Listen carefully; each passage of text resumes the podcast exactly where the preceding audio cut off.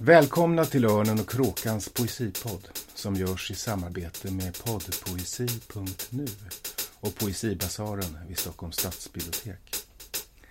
I den här podden samtalar kritiker, poeter och andra om aktuell poesi. Och så läser vi dikter förstås.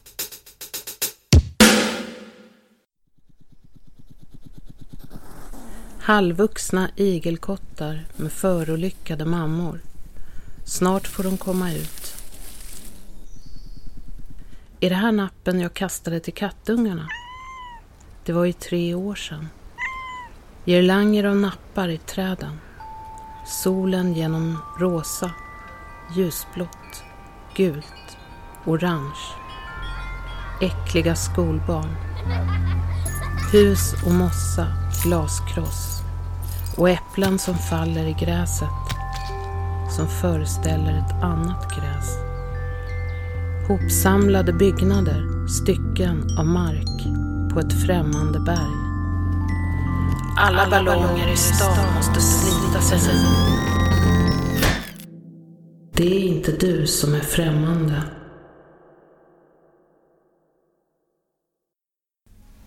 Välkomna till Hemslöjdsgården i Linköping. Eh, där vi idag spelar in Örnen och Kråkans poesipodd. Med anledning av att eh, regionbiblioteket i Östergötland eh, har anordnat eller anordnar en utbildning för bibliotekarier som bland annat handlar om litteraturförmedling. Idag är det den 15 maj. Jag heter Magnus William Olsson och det ni nyss hörde var en remix av en dikt från poddpoesi.nu. Nämligen av poeten Helga Kroks dikt Friluftsmuseum. Eh, vi har ju också en publik här. Vad tyckte ni om dikten? Det nickas bifall här. Vad bra. Eh, Eh, ja, eh, man skulle också kunna beskriva det ni nyss hörde som ett exempel på just poesiförmedling. Så här i slutet av det nya millenniets andra decennium.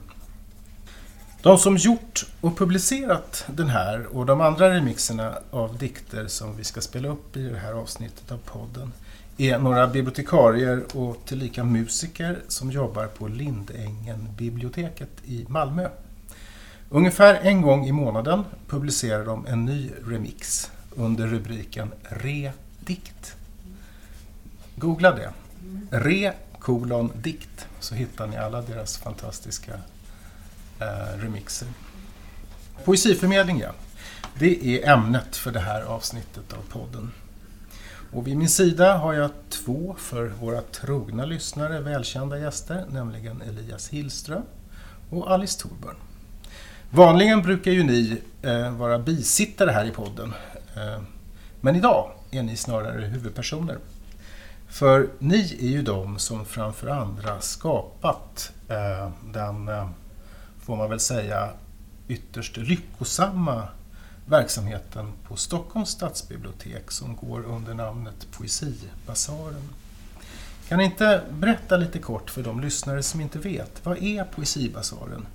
Eh, vad är tanken bakom den och vad, eh, lite sammanfattande sådär, vad är det som sker där?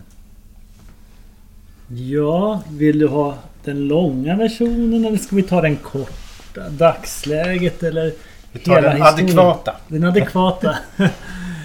ja, men vi kan ju börja säga hur det ser ut idag så får vi se om vi kanske går bakåt därifrån. För det blir kanske för krångligt annars. Men Poesibasaren Eh, har vi hållit på med i, snart 10 år. 10 år nästa höst. Om jag har räknat rätt. Och det är både ett, ett fysiskt rum i biblioteket och det är också ett namn på eh, de aktiviteter vi gör kring poesi på biblioteket. Som har fått det namnet Poesibasaren. Från början kallade vi det bibliotekets bokbasar och sådär men Poesibasaren blev enklare och lät bättre och blev det som, som folk började kalla det helt enkelt. Så det är ett rum och där finns det böcker. Just det. Det är ett litet rum eh, om man fortsätter går igenom rotundan i, i stadsbiblioteket i Stockholm och tar till vänster, ett av de bananrummen. Det har en väldigt speciell form. Det kallades för bananrum. Det kallas fortfarande för det. Eh, mitt emot det andra bananrummet där vi har deckare. Men i, i Poesibasaren så har vi framförallt referensex. Eller skyltex kanske är bättre att kalla det. Av eh, de senaste två årens poesiutgivning. Eh, I stort sett all utgivning förutom viss egenutgivning och så. Finns eh, där så man snabbt kan få en överblick över Jag brukar kalla det för svenska poesins själva centrum. Därför att man kan se alla dikter, alla böcker som finns där. Det finns ingen annanstans, vad jag vet, i Sverige när man faktiskt kan se. Det här är den poesin som, som finns här. Som, Mm. finns, som kommer ut nu, alltså i bokform. Det tycker jag är intressant. Men sen, eh, sen är det ju, görs det ju en massa saker där. Det är, ju, det är väl ett poesiförmedlingsprojekt i någon mening, är det inte det? Bland annat. Eh, jo, det är det ju. Och det har blivit det mer och mer känns det som. För det började ju också som ett samarbete med förlag och ett sätt för dem att visa upp och få ut sin litteratur. Eh, och för dem såklart att förmedla den. Eh, men sen har vi allt mer börjat göra vad ska man säga, egen, egen biblioteksverksamhet där också läsecirklar och andra former av möten och samtal kring poesin. Och försöker få poesin att höras och synas mer i biblioteksrummet än vad den gjorde tidigare. Och så är det, men det på, på Stadsbiblioteket i Stockholm så är det tror jag, om jag inte tar fel, tre, typ 3000 besökare om dagen eller så. Vilket ju är enormt mycket. Eh, men det är också, det är väl, eh, ni har gjort verksamheter under de senaste åren i synnerhet som försöker, dels har ni sådana verksamheter där liksom eh, hardcore poeter av ett eller annat slag, haiku hardcores eller, eller vad de nu kan vara, har sina program för sig själva och för de som vill komma dit. Men sen har ni också en, en massa verksamheter numera för, för sådana som inte alls har koll på poesi, eller väldigt lite koll på poesi. Ja, det har eh, av antagligen många olika anledningar blivit eh, mer och mer fokus på det. Det kanske för att det är det är mer en utmaning kanske också. Och det är roligt att hitta på sätt för att... Eller som bibliotekarie, om man, om man har en plats sådär för poesi och som vi gjorde då för nio år sedan, startade den här poesibasaren och skyltade med massa böcker och hade fräsiga samarbeten med förlag och tog dit poeter och översättare och så. Då, kom, då kommer det ganska många människor fram till oss sen i informationsdisken eller efter programmet och så och undrar lite grann vad det där var. Det är väldigt många som, som verkar ha både en viss skräck för poesi och en eh, tillsammans med en nyfikenhet. Eh, och det har vi märkt genom åren att det, är, det är många som kommer och smyger in i poesibasaren och bläddrar lite och så. Eh, och de har vi eh, känt att vi vill fånga upp och har väl lyckats ibland tycker jag. Och då gör ni sådana saker som prova på poesiet, för, po- eller, eller Mm. så, poesi, program för folk som överhuvudtaget inte har liksom eh, eh, eh, gjort, eh, inte har läst poesi tidigare och så.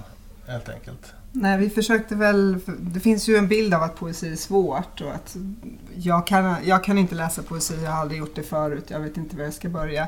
Så vi försökte väl möta dem också, möta dem på allvar i den frågan att de kanske ändå är intresserade. Som du säger att man, är, man tycker både att det är lite svårt och läskigt men man är ändå så intresserad. Kan det finnas någonting där om jag testar? Så att prova, på, eller prova poesi som vi har är ju som en slags läsecirkel men man behöver inte ha läst någonting i förväg utan man kommer dit och så möts man av ett antal utvalda dikter som vi läser i gruppen tillsammans på plats och sen får man bara efter det reflektera. Vad tyckte jag om det här? Vad kände jag när jag hörde den här dikten läsas? Eh, tyckte jag det var bra eller dåligt? Blev jag glad eller ledsen? Blev jag upprymd? Eller, ja. Mm. mm. Tycker ni att eh, har, har, har besökarna eller deltagarna förändrats? Har attityden förändrats under de här snart tio åren som ni har hållit på till poesi? Eller är det bara så att ni har nått nya människor? Vad tror ni? Det är jättesvårt att säga. Eftersom vi har 3000 besökare varje dag så är det ju inte... Vi har ju inte 3000 besökare i Poesibasaren varje dag. Men eh, de här 15 personerna som kommer på våra läsecirklar eller poesiprovningar eller så. De, eh, det är ju inte samma personer varje gång utan det är hela tiden nya människor. Och, Mm. eh, jag tycker den där, den där, som vi pratade om, skräcken, det kanske är att överdriva men att den är väldigt intressant. Eftersom, eftersom den ofta finns där samtidigt som det finns en nyfikenhet. Och när man pratar med de människorna så är de ju ofta att de har någon poet eller någon dikt eller kanske någon De gillar kanske Bob Dylans texter eller kanske någonting och så De har ändå en outtalad vilja att hitta vidare. Mm. Eh, som jag känner att verkligen att eh, där har vi ett ansvar som bibliotek att hjälpa till och visa på. Mm. Gillar du, Mm. gillar du den rocksångaren eller den Instagram-poeten eller läser du haiku så kanske du borde läsa den och den poeten också. Ja, och också att vi, att, att vi lyckas ganska bra med att få olika läsare att möta varandra. Som när det gäller poesi kan man ha väldigt mycket olika erfarenhet av att läsa. Eh, och man kan ha väldigt stort utbyte ändå av att diskutera tillsammans. Om man jämför med liksom vanliga bokcirklar eller bokcirklar där man pratar om romaner så känns det som att de flesta som kommer är sådana som läser jättemycket annars också. Eh, och de läser väldigt mycket romaner och de kanske är med i någon annan bokcirkel. Och de kommer ofta varje gång och sådär. Um, medan här blir det mer en dynamisk grupp och ofta samtalen blir Ja, de skiljer sig åt mer emellan gångerna och den ena gången kanske det är den som har läst minst poesi som säger det som liksom ger de andra mest och någon gång är det en som har jättemycket erfarenhet och verkligen nästan har disputerat på den här poeten vi pratar om som kan tillföra någonting. Mm. De här, och det är en väldig blandning av folk faktiskt. Åldrarna är också mycket mer blandade när det gäller En poesi. på, En. läs, Mm. en på cirklar i, i romaner där det ofta Ja. är storläsare, äldre damer eller medelålders. För det är ju, Mm. man kan ju, jag tror att man skulle kunna säga att, eh, att den här tioårsperioden som ni har hållit på med Poesibasaren sammanfaller med att poesin har blivit väldigt eh, mycket mer frekvent i, tack vare internet tror jag mycket.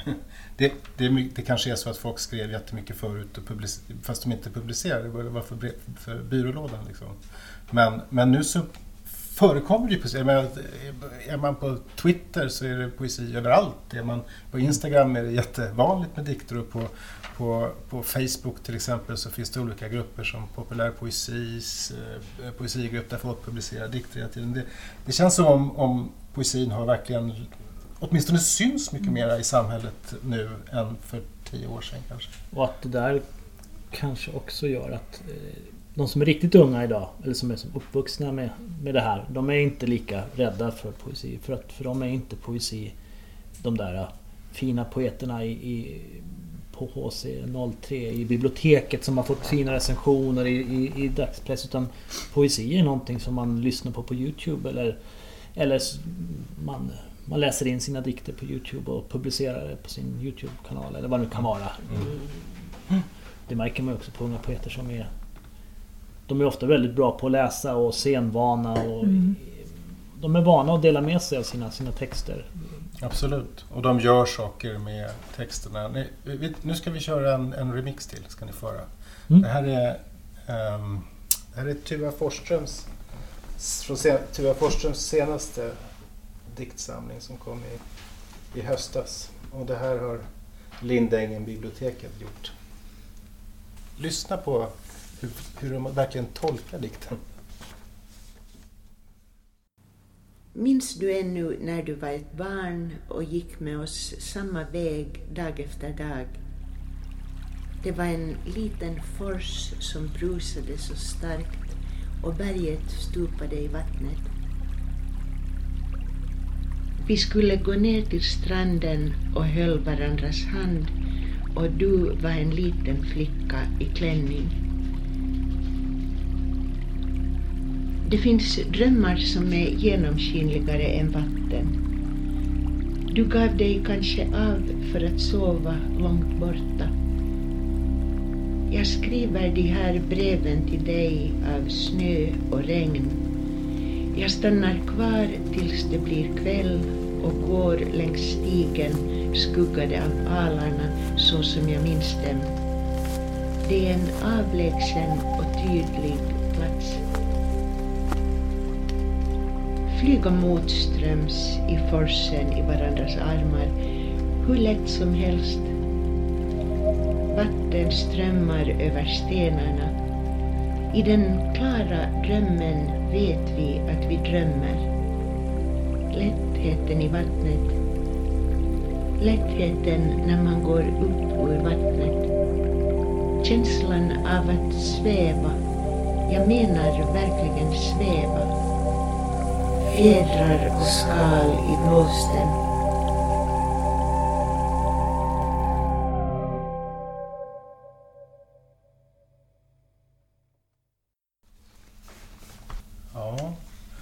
Fantastisk den där. visst är den. Den är så snygg. Och det, är också, det, det här är, om man pratar om förr i världen så genomlevde vi alla i skolan och på universitetet så poesi, diktanalysen.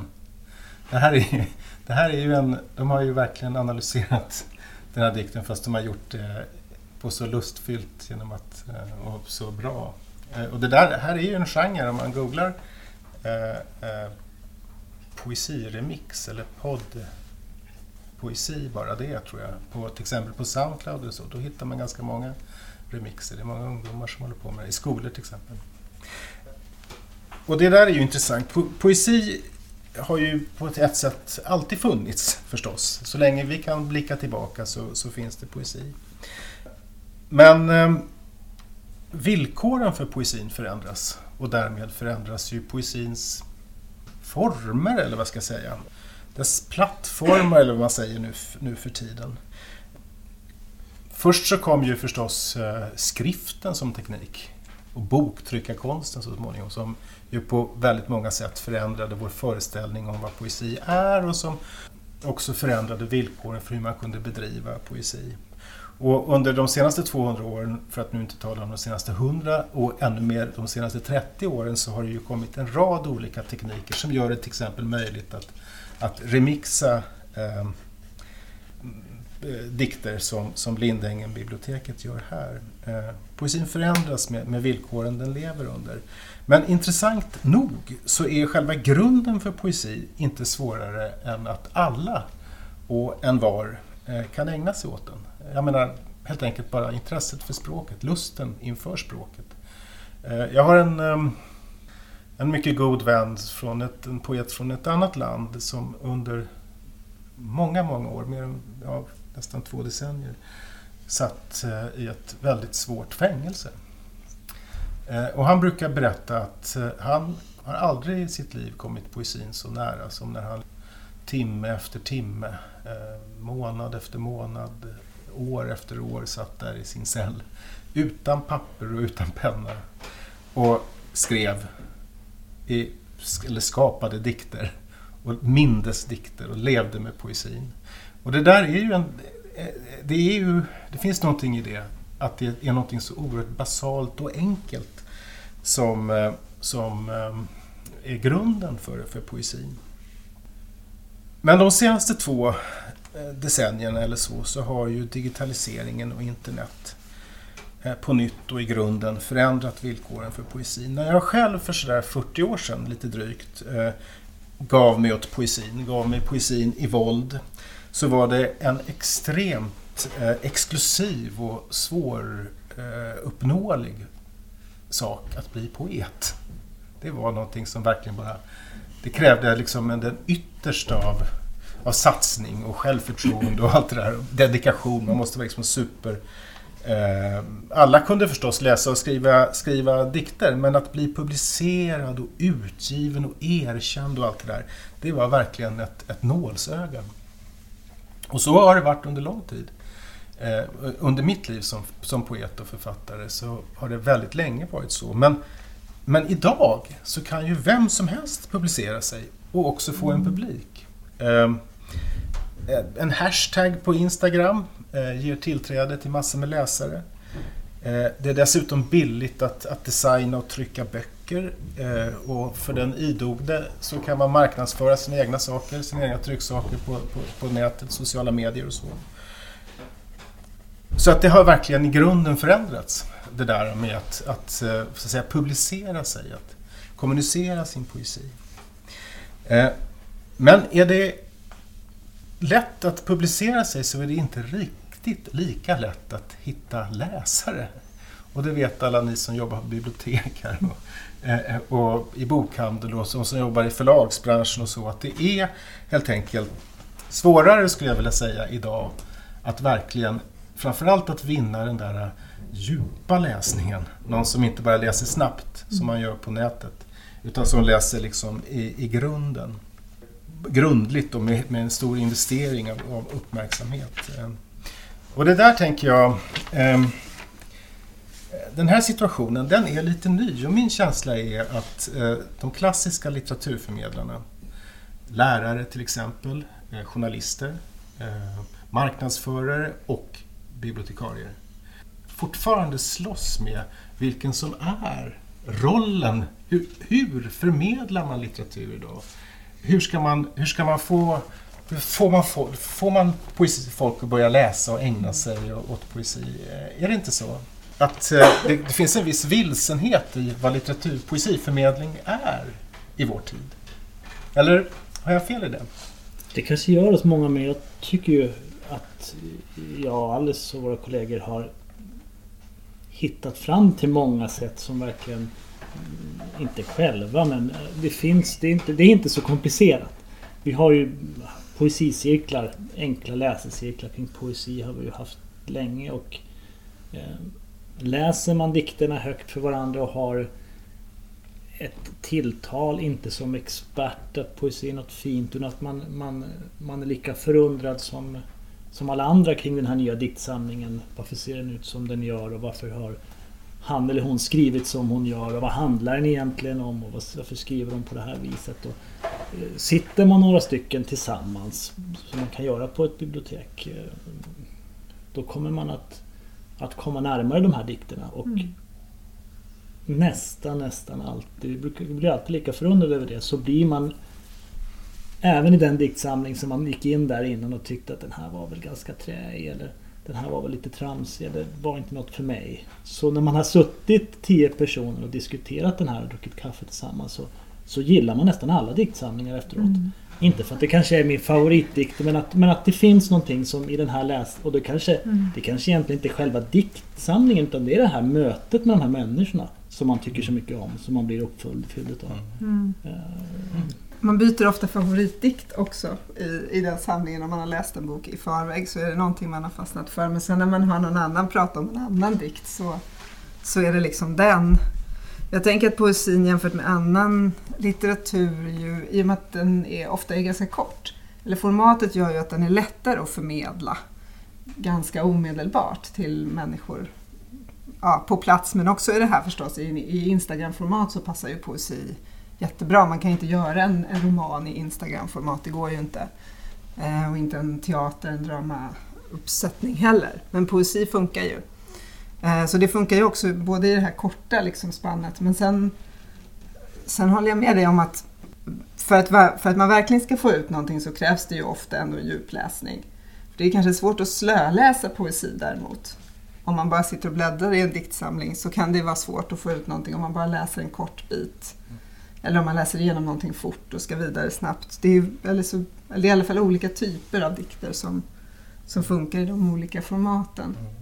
Men jag tänkte på det du sa om poesi. Eh, sist när vi hade läsarcirkel kring poesi så pratade vi om samlingen Vinterresan, eller Vinterresa, av Hanna Hallgren. Eh, och det är ju en ganska, den tar ett tag och den tar man vill gärna läsa den flera gånger för att få ut så mycket som möjligt av den. Och det var flera väldigt erfarna läsare som var med i cirkeln som sa från början också att och jag har så många frågor till poeten. Jag skulle vilja, om hon var här skulle jag vilja fråga henne vad menade du när du använde det här ordet och hur tänkte du kring det här och det här? Eh, men hon var ju inte där då. Eh, men sen när vi hade pratat om de här dikterna i en och en halv timme ungefär så sa han, samma person, att nej nu har jag faktiskt inga frågor kvar. alltså inte för att vi hade kommit fram till något svar men vi hade liksom tillsammans pratat om de här olika sakerna och lagt fram våra olika känslor och tankar kring det. Men är inte det här som ni berättar nu, eh, alltså ett uttryck för vår tid och poesins roll i vår tid? Det, det är uppenbarligen så att för att man på allvar ska, det ska hända någonting när man håller på med poesi, då måste man hålla på. Man måste investera, man måste träffas och sitta tillsammans och läsa och läsa högt och, och sådär som ni berättar att ni gör. Och det går bra att göra med nybörjare lika väl som med supererfarna experter. Mm. Eh, Men jag tänker på när vi har haft den här eh, dagen på, på, på, i Linköping här med bibliotekarier och pratat med många som jobbar på mindre bibliotek och så, så är ju kanske just det att mobilisera ett sammanhang, att liksom få ihop folk och sitta tillsammans och göra. Och, liksom, och det är ju på ett sätt det som också bokförlagens eh, marknadsförare och sånt där pratar om, att det också är svårt att liksom samla ihop den, eh, den uppmärksamhet eh, som krävs för att poesin ska falla ut som någonting sådär självklart och så som ni berättar om det. Eh, är inte det en omständighet i vår tid som, som eh, det där att det är svårt att, att vinna den koncentration som, som poesin kanske ändå behöver? Det är väl därför de här träffarna blir så viktiga. För att då har man lagt ifrån mobiltelefonen och sitter runt ett bord på biblioteket och man går bara inte iväg eller slår på TVn eller surfar iväg någonstans om det blir lite om man blir lite trött. Utan man sitter kvar och, och lyssnar kanske bara. Mm. Eh, att det är därför som många kommer på de träffarna. För att det, de tycker att det, man får någonting där som man inte... Mm. En koncentration kanske som är svår att få hemma idag när man Ja, alltid är men uppkopplad och alltid just har det. grejer på gång. Men det är väl viktigt också att försöka få in poesin kanske i andra sammanhang då. Eh, Med andra samarbetspartners eller om man gör, någon, någon annan, alltså någon, om man gör någonting på ett bibliotek som Mm. handlar om prosa eller, eller om någon facklitterär genre. Att man kanske kan hitta någon dikt som man läser i början inför ett program eller inför en romancirkel så kanske man börjar med att prata om en dikt som de inte behöver ha läst i förväg då. Mm. Just för att få människor att upptäcka att ja, men det här kanske också är något för mig. Mm. Och som vi, nu har vi, det beror ju också på utrymmesbrist men det, så är det ju på många bibliotek att vi har ju vår scen då, mitt i biblioteket, i biblioteksrummet. Och det kan ju vara, ibland så skulle man ju gärna ha ett avskilt rum där de som kommer för att lyssna på något kan sitta själva. Men det är också en fördel för att besökare som inte är där för att lyssna på just den här poesiuppläsningen i det här fallet då, får ju också höra den. Så Mm. att på det sättet, om man låter liksom dikten höras i biblioteket på olika sätt och vid olika tidpunkter så kan ju människor få upp ögonen för dem som annars inte skulle ha Det är, vanligare än, det är vanligare än man tror. Att Mm. man tänker att det händer väl inte. Men folk stannar ju faktiskt eh, till och lyssnar. Och ibland går de och sätter sig och, och lyssnar fast de egentligen bara var där för att plugga eller Mm. eh, låna en Men deckare. är det kanske också så när vi, när, för några veck, månader sedan så gjorde vi ett, en podd som handlade om poesi och skola. Eh, och mitt, min känsla är att, att det finns ett liknande problem där som det finns på biblioteken och kanske på många andra ställen i samhället. Att vi, att vi har eh, att strukturer som finns på arbetsplatser och annat inte gör det så lätt att eh, variera uppmärksamhetsgrad. Det, går, det går väldigt fort och man ska, göra, man ska hinna med väldigt mycket och allt det där finns.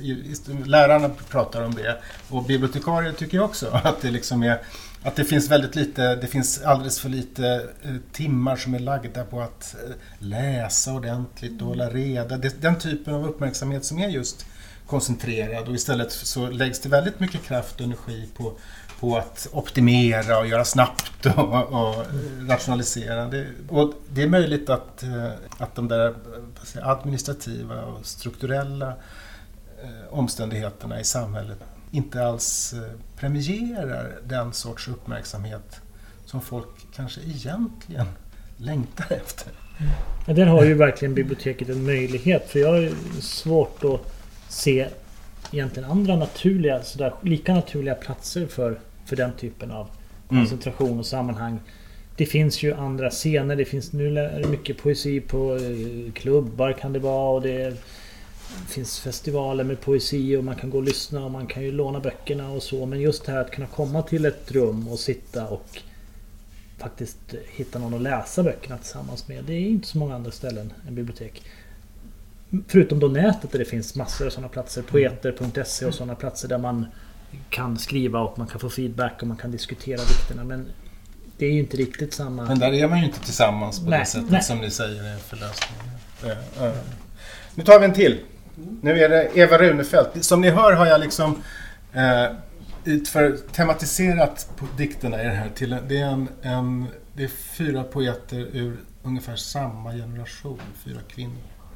Eva Runefelt kommer här. I Lindängens, bibliotekets remixversion. När vi gått hem fryser vaktmästaren skolgården till is.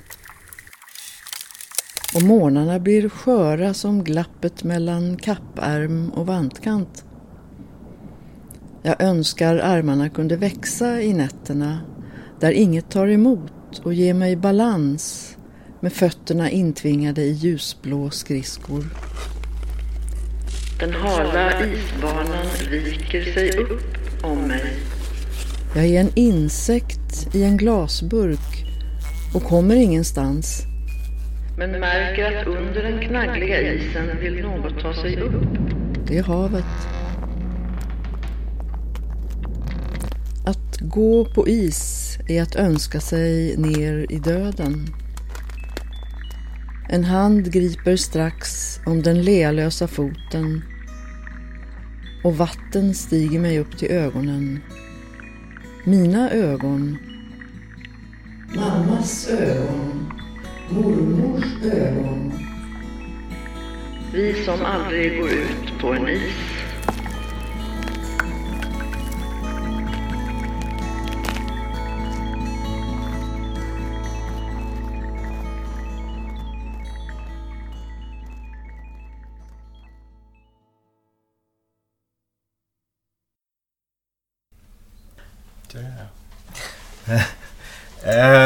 Jo, eh, en av Sveriges mest erfarna och aktiva litteraturförmedlare är verksam här i Östergötland. Med Norrköping som bas. Eh, han har varit med här under dagen men han var tvungen att gå och det var Mats Granberg nämligen. Han är eh, litteraturkritiker. Han har suttit i Augustprisjuryn. För han gör väl inte det fortfarande? Gör han det? Jo, det gör han, säger nickar folk. Ja. Okej, han sitter fortfarande i Augustprisjuryn. Han var många, många, under många år eh, kulturredaktör för Norrköpings Tidningar. Men han har också sysslat med mycket annat. Han har skrivit förstås, eh, han är kritiker, han har skrivit om mycket men också sysslat, skrivit om och utrett kulturpolitik. Och jag tycker att han är en av Sveriges absolut eh, kunnigaste personer, så vitt jag kan bedöma, när det gäller frågor om kultur, litteratur och offentlighet. I synnerhet då ur ett regionalt perspektiv. Sedan några år är han verksam på regionbiblioteket och, och på Norrköpings stadsbibliotek med litteraturförmedling. Bland annat så är han projektledare för den väldigt imponerande verksamheten som heter Litteratursön Östergötland och som jag tror kommer att få fortsätta. Visst är det så? Eh, yes, vi har precis fått eh, besked om att vi får bidrag för ett tredje år här. Ett tredje år med, med det är ett fantastiskt med litteratur. Det är ett stort program som fra, handlar framförallt om författarsamtal kan man väl säga. Litterära evenemang eh, och som äger rum på bibliotek i hela Östergötland. Mats är också djupt poesikunnig. Och eh, eftersom han inte kunde vara med här under inspelningen av podden så har jag ju spelat in ett litet eh, telefonintervju med honom som jag tänkte att vi skulle lyssna på som eh, utgångspunkt för det, den sista delen av poddsamtalet här idag. Så här låter den här intervjun. Hej Mats Granberg! Hej Magnus! Ja, eh, välkommen hit. Poesin har ju i hög utsträckning flyttat från böckerna å ena sidan till nätet, poesi-community som poeter.se eller olika Instagram, hashtags etc. Och å andra sidan till salongerna, till events. Allt ifrån bokreleaser, spoken word och slam-events till läsecirklar och annat. Jag undrar, hur tycker du som arbetar så mycket med just events, litteraturevents och också poesievents. Hur, hur tycker du att man kan arbeta för att de här två tendenserna ska befrukta varandra? Ja, jag tror för det första att det är väldigt viktigt att man visar att det finns många olika sorters poesi. Eh, för det är så lätt att, att de som jobbar med en poesi eller slam, de, de rör sig i sin egen poesivärld och de som eh, läser eh, poesi i bokcirklar rör sig i sin värld och de som gillar att lyssna på uppläsningar, traditionella uppläsningar på scen, de rör sig i sin värld. Så det tror jag det är viktigt att, att få alla medvetna om att det finns olika sorters poesi och att det är liksom nyttigt att, att, eh, att känna till det. Mm. Eh, vi har ett idé här i Norrköping på att försöka göra ett projekt som handlar just om att gå från scen till sida. Eh, och eh, det är fortfarande på idéstadiet men vi ska ändå brottas med det i höst. Eh, och tanken är att låta unga poeter som har fångats av Instagram-poesi eller av scenpoesi att eh, få veta lite mer om, om svensk poesihistoria men också, också börja skriva på papper och kanske publicera sig. Mm. Jag tänker att där har man ju eh, en stor del av, av eh, vad ska jag säga, poesin idag. Den, den sker ju på nätet. Och de personerna mm. är det ju i min erfarenhet svårt att överhuvudtaget komma i kontakt med. Eller ja, vad är din erfarenhet eh, vad det gäller det? Ja, alltså eh, ja, så är det förmodligen att, att det är väldigt många som skriver, som skrev för skrivbordslådan eller för dagboken för skriver på nätet idag och är rätt nöjda med att det är så. Men vi upptäckte här i våras när vi hade ett, ett scenprogram med poesi att det, att det dök upp väldigt många som kom, inte i gäng utan de kom en och en. Eh, och, och, när vi öppnade den öppna scenen så var det flera som än vi trodde som klev upp eh, med en dikt. Eh, så jag tror att, att det finns ju ändå en eh, den här uppmärksamheten som ändå finns, inte bara på nätet utan också i, i scennärvaron mot en eh, publik direkt eh, ansikte mot ansikte, att den har en ganska stor eh, dragningskraft. Mm.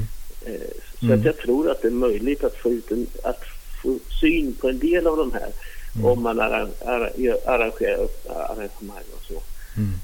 Mm. Mm. Men de flesta kommer naturligtvis alltid att skriva och kanske också producera sig så småningom själva. Mm. Mm.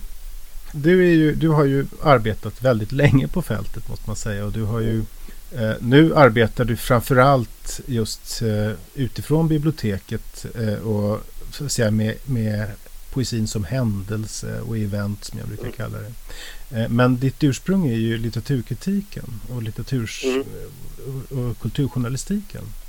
Eh, som ju tidigare i, i den gamla offentligheten som jag brukar säga var en väldigt viktig eh, förmedlare av litteratur. Mm. och du är ju själv en, en poesikritiker av, av rang.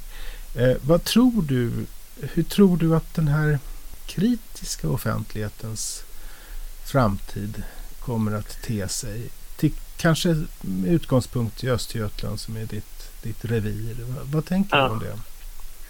Alltså just nu så, om jag tänker på det så tänker jag på en viss, eh, viss pessimism då för att, att den, eh, den här traditionella skriftliga litteraturkritiken har ju med, i, den har i stort sett försvunnit men den har i alla fall dragit sig tillbaka så långt så att Eh, jag tycker inte att den har liksom bäring för ett offentligt samtal om litteratur längre. Eh, och när inte det finns i en region, vad återstår då? Ja, möjligtvis eh, eh samtal på bibliotek om litteratur. Eh, möjligtvis samtal i, i, att man kan ordna eh, arrangemang i större grupper plus all den här lite halvprivata diskussionen som finns i vissa grupper och kretsar.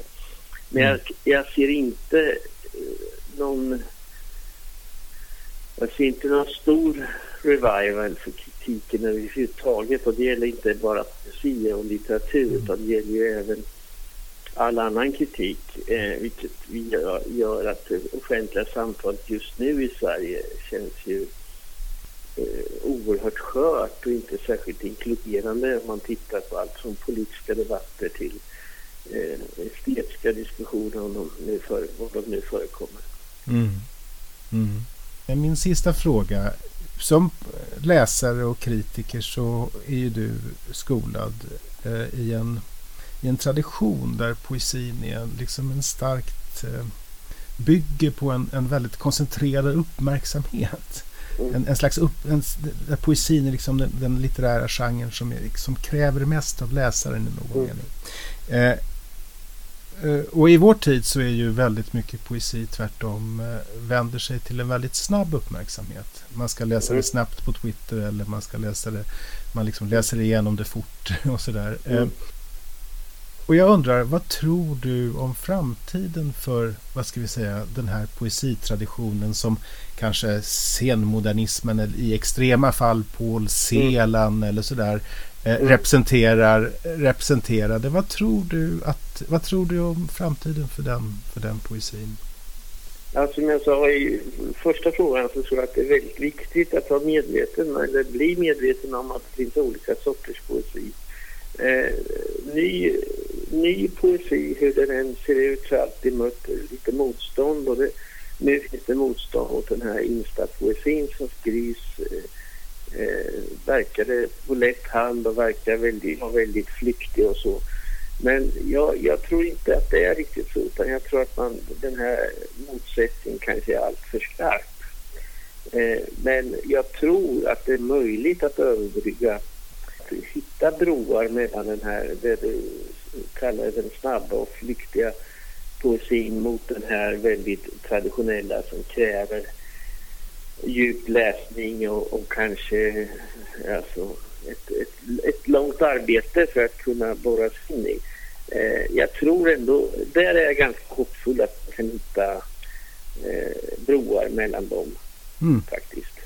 Eh, för det, när jag möter de här unga människorna som, som skriver poesi här i stan eh, så är de ju lyckligt, ibland lyckligt omedvetna om all, all den tradition som de faktiskt själva bygger på utan att ha skriver på och publicerar ett annat medium utan att veta om det.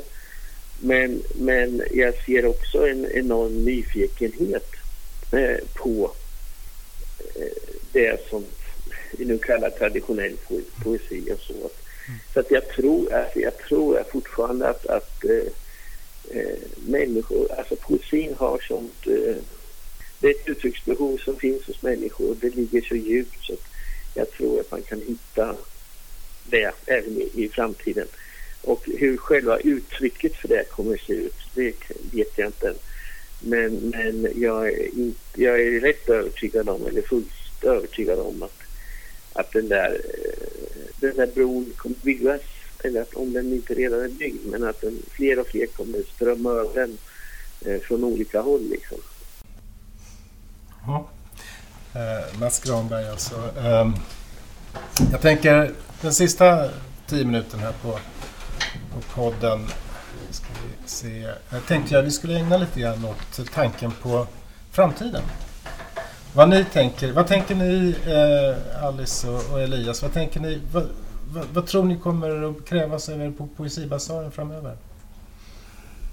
Ja, det är ju intressant det där som man säger att Många kanske är olyckliga. Alltså de vet inte om den, den grund de står på. De, de, man, man börjar skriva poesi eftersom man har blivit inspirerad av en Instagram-poet.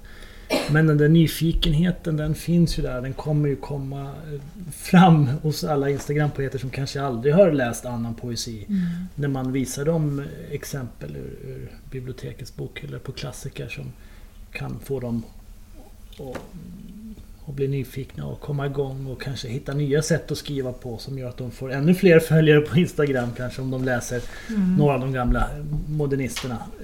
Och där har ju verkligen vi biblioteket får ju vara beredda på att ta emot den, de poeterna. När de, Men hur ska ni kommer. göra? Vad tror du? Vad, vad, tänker du? Om du skulle, lite visionär här. Vad, vad händer på Poesibasaren om två år? Om två år? Mm. Inte om 20? Nej, om två år. Ja, alltså vi har ju pratat om sådana saker och bjuda in folk som skriver på nätet. Det kan man väl titta. Man kan väl eh, googla lite och se vad det är för folk som har många följare som bor i nära biblioteket. Kan man ha någon eh, shout-out till dem? Kom till biblioteket och tapetsera väggarna i Poesibasaren Mm. mera, mera. Vi hjälper er att skriva ut och så kan ni få utställning med era Instagram-dikter eller uppläsningar eller sånt. Ja, just de. Och, och kunna träffas fysiskt kanske, för många läser varandra men kanske aldrig har setts och sådär. Att, och även tänker jag om, vi har ju pratat en del om att skrivande, att vi skulle vilja göra det mer i rummet. Vi har väl inga färdiga lösningar eller kanske inte ens färdiga idéer där men biblioteket har ju också en eh, vi har ju också digital närvaro där man skulle kunna publicera sig och där man, som man kan koppla ihop med redan existerande plattformar och sådär. Ehm, tidskrifter är ju också som populärpoesi som du nämner som finns både på nätet och på, i en liksom, fysisk tidskrift. skulle man ju också kunna samarbeta mer med. Mm. Vad tror ni om... eh, eh, Mats var ju ganska pos, positiv, optimistisk vad det gäller just den här sidan att man ska få koppla Ja, att unga poeter som inte har läst så mycket förut men som ändå skriver, de, de blir duktigare och duktigare och lär sig mer och mer och det är klart att de blir också bättre. Eh, Men han var ju väldigt pessimistisk över det som han kallar, man skulle kalla den kritiska offentligheten eh, och eh, recensionerna och så. Det här att liksom tänka över litteratur, att samhället... Men jag menar, en av funktionerna sedan början på 1700-talet i alla fall i offentligheten för litteraturen har ju varit att den har varit utgångspunkt för samtal om politik eller många andra saker. Men böcker handlar ju om någonting, eller hur? Och, och det där samtalet om liksom, eh, vad, vad böckerna handlar om, som kritiken ju har förvaltat på olika sätt, eller kultursidorna eller så. Eh, Örnen och kråkan som vi sitter och pratar med nu, det är ju ett uttryck för att, ett sätt att möta den här. Och ni, ni, har, ni gör ju också en podd som heter, heter Solen. Eh, som ju är en, en slags ett samtal och just publiceras och har en publik. Men vad tror ni, vad tror ni om den här kritiska diskussionen? Den här, det som nu kanske försvinner i allt högre grad från media, de stora massmedierna. Hur tror ni att biblioteket ska kunna, tror ni att biblioteket på något sätt ska kunna träda in där på, i någon mening? Ja, det tror vi. Eller jag tror det. Alltså, jag tror att vi redan har börjat. Jag tror att det är därför vi, vi själva också känner sånt behov av det här. När jag började intressera mig för poesi för ja, jag vet inte hur många år men det var kanske lite på sluttampen. För, men det fanns fortfarande det recenserades alla diktsamlingar i, i DN och svenska. och man var lite nyfiken på eh, vad Horace Engdahl kanske skrev om den. Liksom, det kanske var i början, mitten av 90-talet när jag var i, i sena tonåren. Så. Eh, och det är något som man kan sakna idag. Det finns ju poesirecensioner fortfarande förstås, men de är mycket kortare. Och man får inte samma utbyte av dem. Och, då har, som, och det tror jag, så tror jag många poesiintresserade känner att då kanske man söker sig till biblioteket eh, och, och kanske försöker hitta någon, något sammanhang där, där man kan få, få diskutera och handlar den här diktsamlingen verkligen om det och menar han verkligen det? Och, Mm. ja, det gäller ju inte bara poesi förstås, det gäller ju all litteratur. Men det där är något som vi skulle kunna jobba mer med och det har vi tänkt på en del också. Mm. Men, Men gen- generellt känner jag att jämfört med när jag började jobba för ungefär 10-11 år sedan så känns i alla fall hos oss så känns bibliotekariens roll mer självklar och man är mer säker på vad man kan. För då var det mycket att vi diskuterade så här, vilken roll kan vi ta? Eh, Men den här rollen just som litteraturförmedlare, att vi kan mycket om litteratur och att vi, vi kan förmedla, vi kan analysera, vi kan inleda och initiera samtal kring litteratur. Den känner jag att vi som kår känner oss mer självsäkra i nu, vilket jag tycker är bra. Det är För vi är ju inte kritiker såklart, men vi, har, vi kan också eh, Vi kan föra ett kritiskt samtal. Ja, Precis. precis. Ja. Mm. Och det är ju eh, allt fler bibliotekarier som också skriver kritik. Mm. Det är min känsla.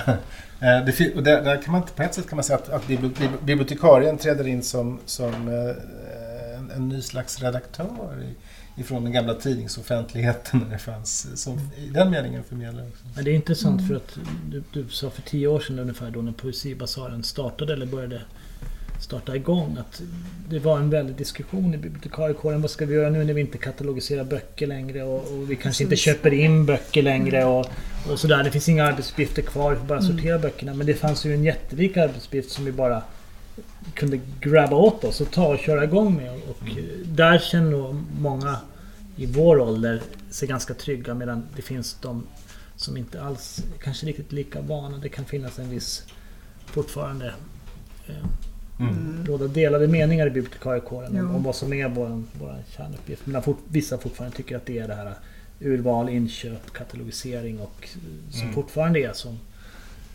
Ja. i världen. Ja, precis. Ja. Men där tänker jag att det finns det, om vi eh, med erfarenhet från den här dagen när vi har pratat med bibliotekarier här från Östergötland om, om eh, litteratur och poesiförmedling. Då, då, då är ett, ett intryck som jag, en, en reflektion som jag har efter det här, den här dagen, det är att det är väldigt viktigt med eh, intern, alltså fortbildning vad det gäller det här. Att, man, att bibliotekarier själva pratar om poesi, hittar strukturer och idéer för hur man ska kunna eh, samtala tillsammans och öka sitt kunskapande inom, för att det i sin tur ska, ska komma låntagarna till del.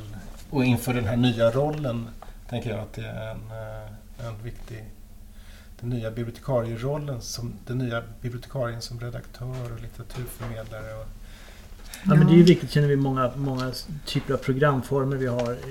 Känner vi att det är minst lika viktigt att det kommer annan personal på biblioteket och deltar i poesicirklarna. Eller till exempel den som månadens diktsamling som vi har. Ni väljer ut en diktsamling en gång i månaden som vi tycker är speciellt spännande som vi berättar lite om och läser ur och diskuterar med våra kollegor och besökare tillsammans. Eh, Som vi lägger då på, på lunchtids förhoppning att i alla fall några av våra andra medarbetare kan komma. Eh, Och när vi har diktöppning kring jul när folk i, i huset får välja en favoritdikt att läsa och plötsligt så är det ett samtal i lunchrummet om poesi. Mm. Jaså, du Mm. gillar Edith Södergran jättemycket. Mm. När du gillar Bruno Sjöijer och varför gör du det? Och, och plötsligt så är det ett samtal om poesi igång i bästa fall. Mm. Också det, om man ska prata om inte bara poesin utan bibliotekets roll i allmänhet så tror jag att det är jätteviktigt att det händer saker på biblioteket. Att vi har olika läsecirklar, författarbesök och skrivarverkstäder och alla möjliga saker. För att annars så tänker jag att det bara kommer bli ett slags museum och det är liksom information i böcker men man behöver, man behöver inte gå till biblioteket längre om man vill ha reda på någon faktauppgift. Utan då kan man leta på nätet. Eh, och kanske inte heller som du säger om man bara vill skriva en liten dikt, då kan jag också göra det på nätet. Men om jag vill träffa andra och prata om det här eller om jag vill eh, lyssna på en intressant föreläsare inom vilket ämne det nu vara må, då kan biblioteket verkligen hitta vara någon att den prata platsen. med. Ja. Precis. Mm. Lyssna på och prata med andra. Exakt. Så allt mer sånt, ja, det, att det ska hända saker och att man ska känna sig inkluderad och välkommen. Mm. Och man känner ju bara att det här, det är bara... Det kan gå så jäkla fort nu så man knappt hinner blinka. Det är med, med ljudböcker och Storytel och med, med e-böcker att det kan gå väldigt snabbt. Då kanske vi inte har så jäkla mycket böcker på biblioteket. Vissa blir ju, vill ju inte riktigt tänka den tanken. Man måste ändå ha det i åtanke. Det kan faktiskt bli så att de flesta läser e-böcker och lyssnar på böcker hemma och skriver sina dikter hemma. Men folk kommer ju känna sig ännu mer ensamma och få ett ännu större behov av att komma någonstans och träffa folk och diskutera de där böckerna som de har suttit hemma och laddat ner. Så det är väl den förhoppning vi måste ha kring Mm. biblioteken. Mm. Ja, tiden går och eh, vi ska sluta. Nästa avsnitt av Örnens och Kråkans poesipodd spelar vi in just i denna poesibasar på Stockholms stadsbibliotek där vi brukar vara. Det blir den 19 juni. Lunchtid klockan 12 till 13 spelar vi alltid in. Eh, och den podden kommer att handla eh, om ett, något helt annat, nämligen om ett mycket säreget och eh, fascinerande och skrämmande kort poetiskt, svenskt poetiskt författarskap. Nu tackar vi eh, regionbiblioteket i Östergötland som har varit våra värdar idag. Tack så mycket. Tack ska ni ha. Fantastiskt att få vara här och få möta alla era idéer. Jag tror att eh, Östergötland kommer nu efter det här att bli själva poesins... Här kommer det oändligt mycket. Alla kommer att resa hit och se vad som, vad som händer. Eh, det ser vi fram emot. Men vi ska sluta med att lyssna på en sista remix från Lindängen biblioteket. Och eh, det är en fantastisk remix av en fantastisk dikt av Katarina Frostenson. Det som krisen föder. Bankmännen bar ut sina lådor som om det var ett offertåg. En ny art av sorg, så torr. Vi förlorar allt vi har. Vi hade allt, se, efter oss. Skärmarna, raderna, ramarna, gångarna, floden av glas. En tiger, smal som ett fodral, gled ur raden.